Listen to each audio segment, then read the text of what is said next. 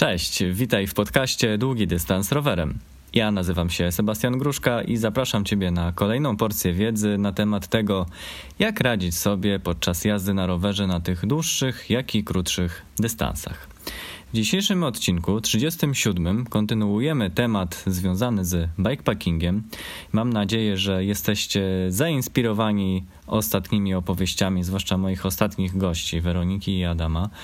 E, a ja tymczasem w dzisiejszym odcinku chcę jeszcze powrócić do mojej dziesięciodniowej wyprawy ponieważ wiem, że część z Was się zastanawia mm, i nawet zadawało mi pytania na temat tego, jak ja się spakowałem na całą tę wyprawę, co ze sobą zabrałem e, i jak wyglądały przygotowania takie właśnie od strony zaplecza, e, co rzeczywiście ze sobą wiozłem. Dlatego w dzisiejszym odcinku pomyślałem, że naprawdę całkiem krótko Wam opowiem o tym, co ze sobą woziłem.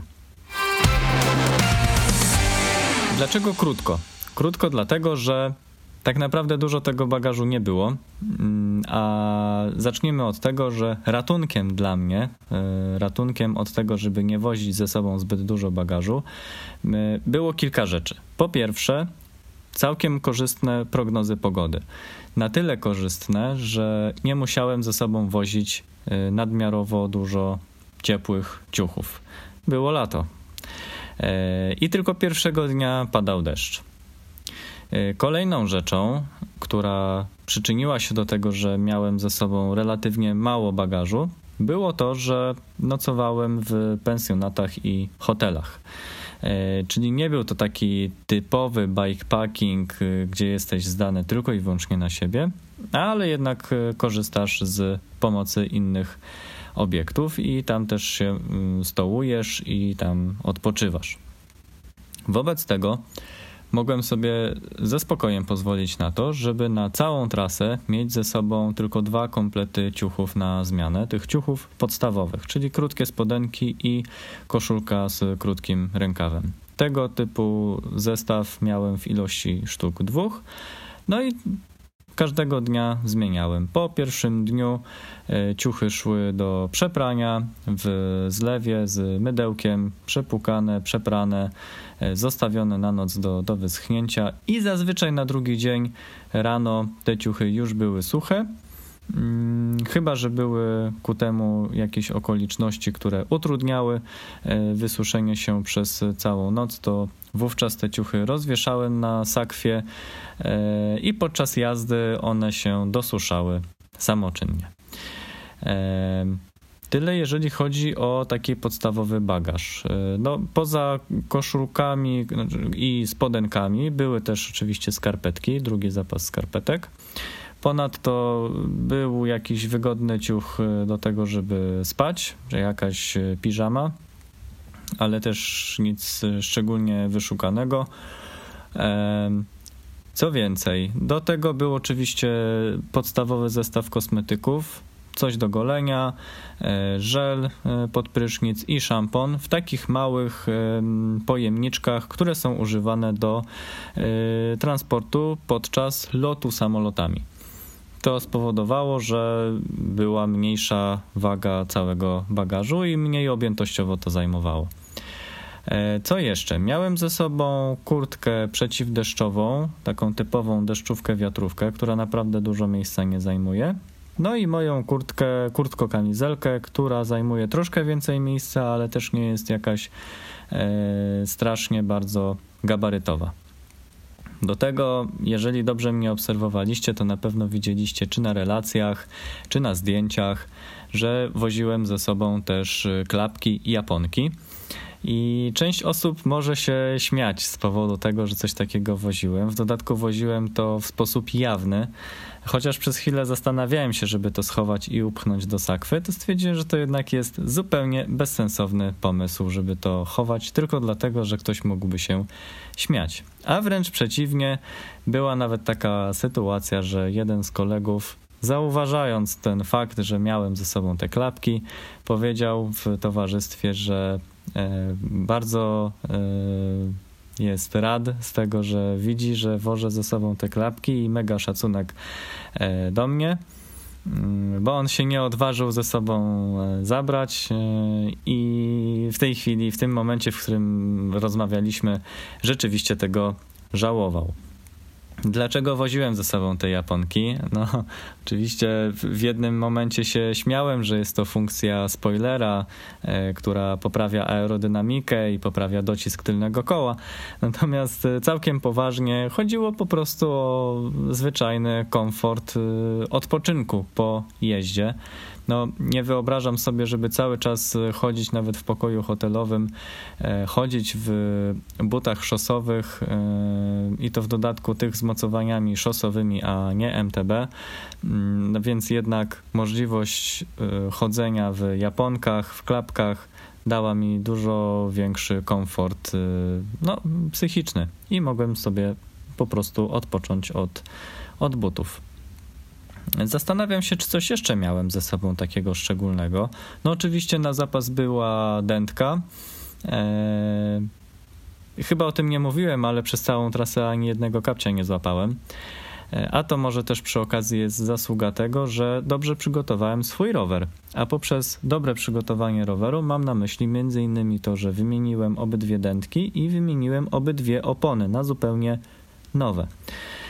Przy okazji przygotowań roweru wymieniałem również cały napęd, włącznie z korbą, e, bo jej przebieg też już no, wymagał. Korba miała przejechane ponad 20 tysięcy kilometrów i tutaj zaznaczam, że jest to Tiagra. E, Tiagra przejechała dobre 20 tysięcy kilometrów i podejrzewam, że jeszcze do dzisiaj by służyła. Natomiast dla spokoju ducha stwierdziłem, że wymienię ją jeszcze przed tą wyprawą, że jest to dobry taki moment, żeby to wymienić. No i tym samym też powymieniałem pozostałe części układu napędowego, czyli i łańcuch, i kasetę.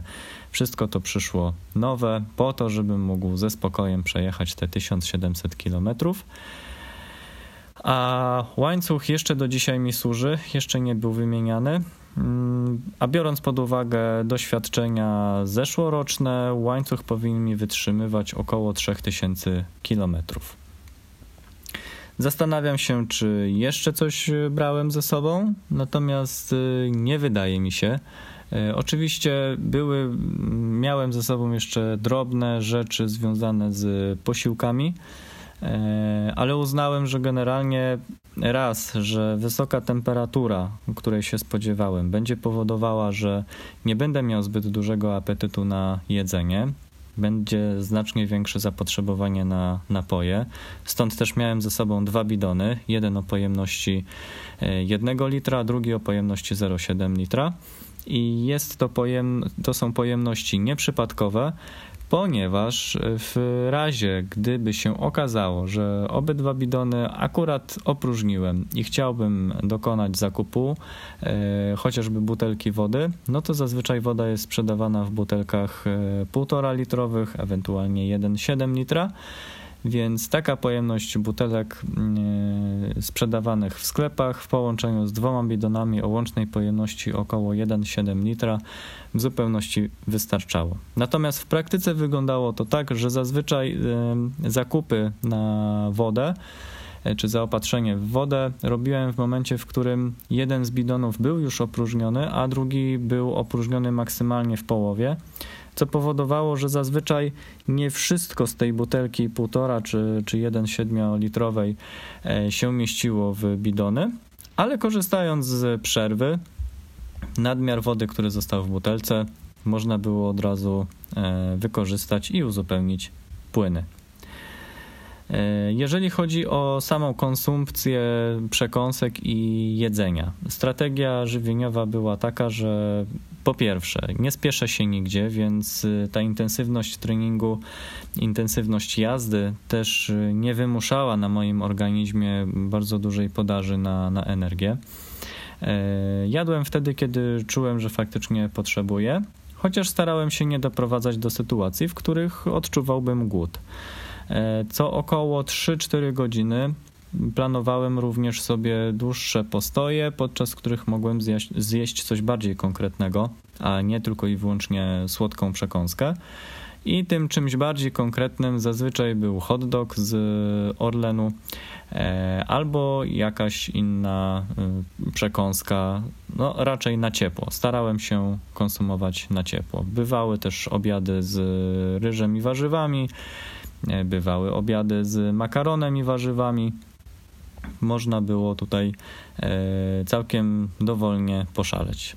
Aczkolwiek omijałem restauracji Złote Łuki. Swoją drogą jestem ciekaw, kto z Was wie, co to za restauracja Złote Łuki. Mm, czekam w komentarzach. Ja wiem i się śmieję. No, jestem bardzo ciekaw, czy, czy wy wiecie, co to jest za restauracja Złote Łuki. Podpowiem, że to jest sieć e, i w każdym większym mieście, a coraz częściej nawet i w mniejszych miastach ta restauracja jest dostępna. No i to chyba tyle. Tak naprawdę nie miałem ze sobą dużo. No jak popatrzycie na zdjęcia, których może jakoś dużo nie ma, no to nie miałem ze sobą plecaka. Miałem tylko jedną sakwę podsiodłową o pojemności 9 litrów od Jackpacka. Mm, polecam tą torbę podsiodłową, do dzisiaj mi służy. Naprawdę jest e, dobra i solidna. E, w zestawie możecie ją też, e, znaczy jak ją kupicie, to w zestawie jest też ochraniacz przeciwdeszczowy. I miałem jeszcze do tego też od Jackpacka tak zwaną parówkę, taki produkt się nazywa parówka, ale to nie jest do jedzenia. E, to jest taka mała, podłużna sakwa montowana na rurę górną, natomiast ona też ma w sobie e, trochę uniwersalnych patentów, bo na przykład od spodu ma przygotowane otwory montażowe. E, które można wykorzystać do umocowania jej właśnie, chociażby czy to w miejscu mocowania bidonu, e, czy też w coraz większej liczbie graveli, które e, obserwujemy na rynku, mają chociażby do, dostępne takie śruby montażowe właśnie na rurze górnej, w miejscu, w którym e, ja tą swoją parówkę na, na ramię woziłem.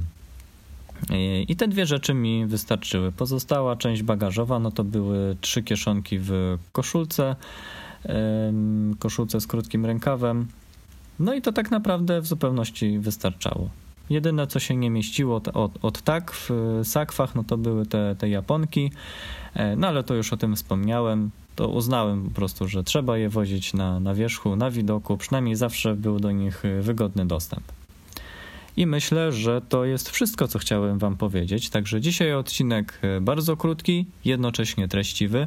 Mam nadzieję, że tym odcinkiem w jakiś sposób Wam pomogłem, podpowiedziałem, w jaki sposób można też planować e, swoje wycieczki, bikepackingowe tripy albo inne wycieczki, ale natomiast te na, na rowerach właśnie. No to co? To żegnam się z Wami dzisiaj e, tymże optymistycznym akcentem, bo wciąż się uśmiecham. E, mamy wciąż piękną złotą jesień, trzeba z niej korzystać, także ja niebawem wyskakuję na rower, a Wam życzę jak zwykle pogodnego tygodnia i do usłyszenia w kolejnym odcinku, e, który będzie już za tydzień. Do usłyszenia, cześć!